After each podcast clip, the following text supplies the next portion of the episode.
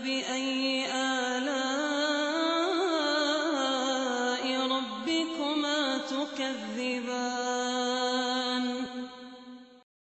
Baik, yang kedua. Pembahasan yang kedua tentang hukum menelan uh, apa namanya dahak. Hukum menelan lendir atau dahak.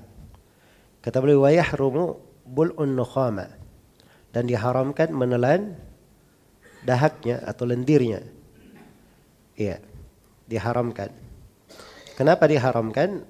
Apakah itu dahak yang keluar dari dalam atau keluar dari dada atau keluar dari apa namanya dari hidungnya iya ini semuanya tidak diperbolehkan iya dan itu adalah hal yang diharamkan adalah hal yang diharamkan kenapa diharamkan karena itu membahayakan membahayakan lendir itu dahak itu adalah kotoran kan begitu Ya kalau ditelan bisa membahayakan dan tidak boleh seseorang itu membahayakan dirinya.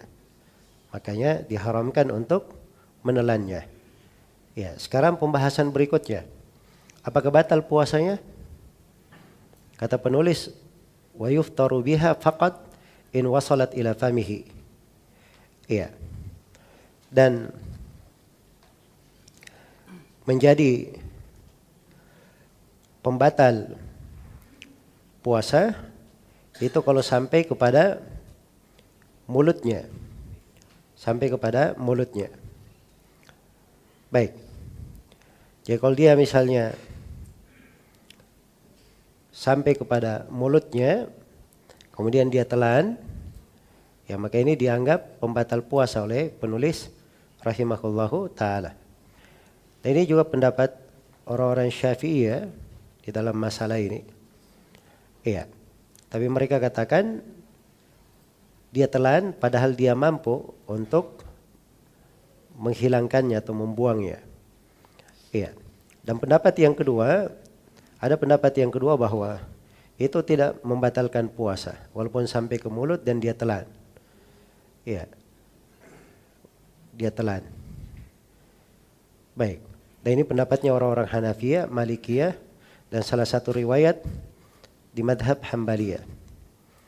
Ya, salah satu riwayat di madhab Hambaliyah. Dan ini pendapat yang lebih kuat ya, pendapat yang lebih kuat. Kenapa? Sebab dahak itu walaupun dia berbahaya, tapi dia adalah hal yang biasa di manusia. Ya, sulit manusia itu dipisahkan darinya. Ya kalau dikatakan menelannya membatalkan puasa, maka itu ada menjadi hal yang apa? Hal yang sangat berat sekali.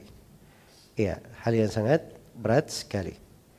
Baik, karena itu yang benarnya bahwa uh, orang yang berpuasa itu walaupun diharamkan dia menelan dahaknya atau lendirnya, tetapi itu tidak membatalkan puasa. Tidak membatalkan puasa. Iya. Baik. Dan ini yang dikuatkan ya oleh Syekh Ibn Uthaymin rahimahullahu taala.